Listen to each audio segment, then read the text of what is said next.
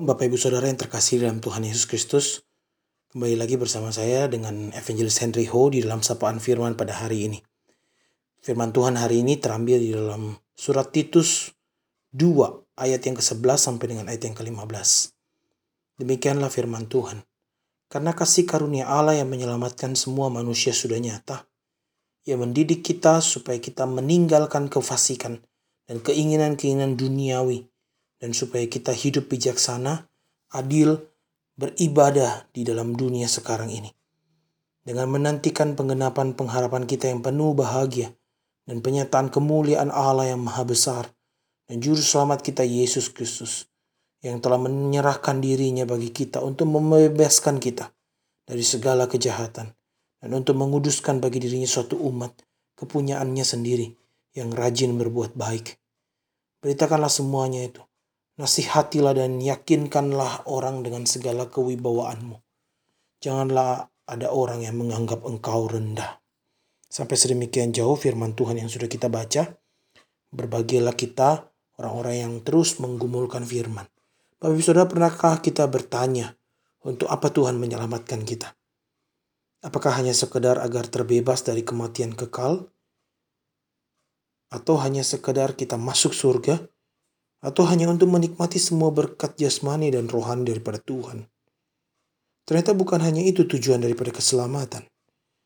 Menurut Titus yang sudah kita baca tadi, masih ada tujuan lain mengapa Tuhan menyelamatkan kita.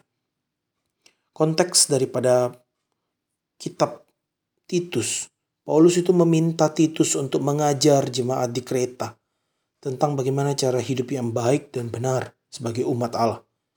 Karena ternyata orang-orang di kereta selalu diasosiasikan sebagai orang yang hidup tidak benar, malas, pembohong, jahat. Paulus menegaskan, karena anugerah Allah, Yesus itu datang dan mati di salib untuk membuat orang-orang yang percaya kepadanya tidak lagi hidup di dalam cara hidup yang sama. Paulus menjelaskan tujuan Allah menyelamatkan kita yaitu untuk menguduskan bagi dirinya suatu umat yang rajin berbuat baik.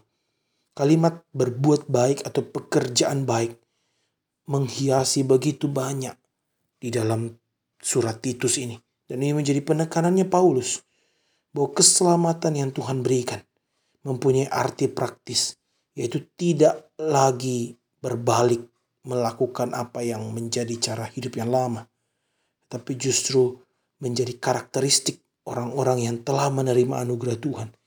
Yaitu salah satunya adalah rajin berbuat baik. Lalu tujuan kita berbuat baik apa? Pertama Bapak Ibu Saudara, bukan untuk mendapat pujian orang, tetapi untuk memuliakan Tuhan.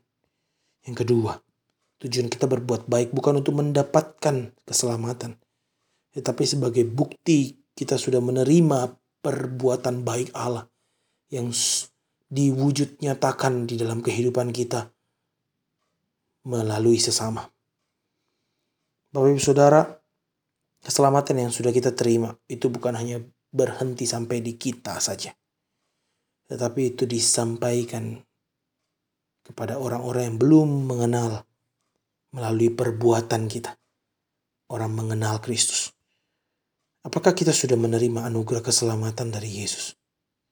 Dan yang kedua Bapak Ibu Saudara, langkah konkret apa yang bisa kita lakukan untuk menyatakan perbuatan baik kita kepada sesama? Siapakah yang pantas menerima pujian untuk setiap pekerjaan baik yang kita lakukan? Mari kita berdoa. Tuhan kami tahu bahwa ketika Tuhan menyelamatkan kami, Tuhan ingin kami juga menyatakan kasih kami kepada sesama kami. Tuhan mampukan kami dalam segala konteks pergumulan kami. Tuhan berkati jemaatmu di mana pun mereka berada, apa pun yang mereka kerjakan hari ini, semua di dalam perlindungan dan kasih sayang Tuhan. Di dalam nama Tuhan Yesus Kristus kami sudah berdoa. Amin.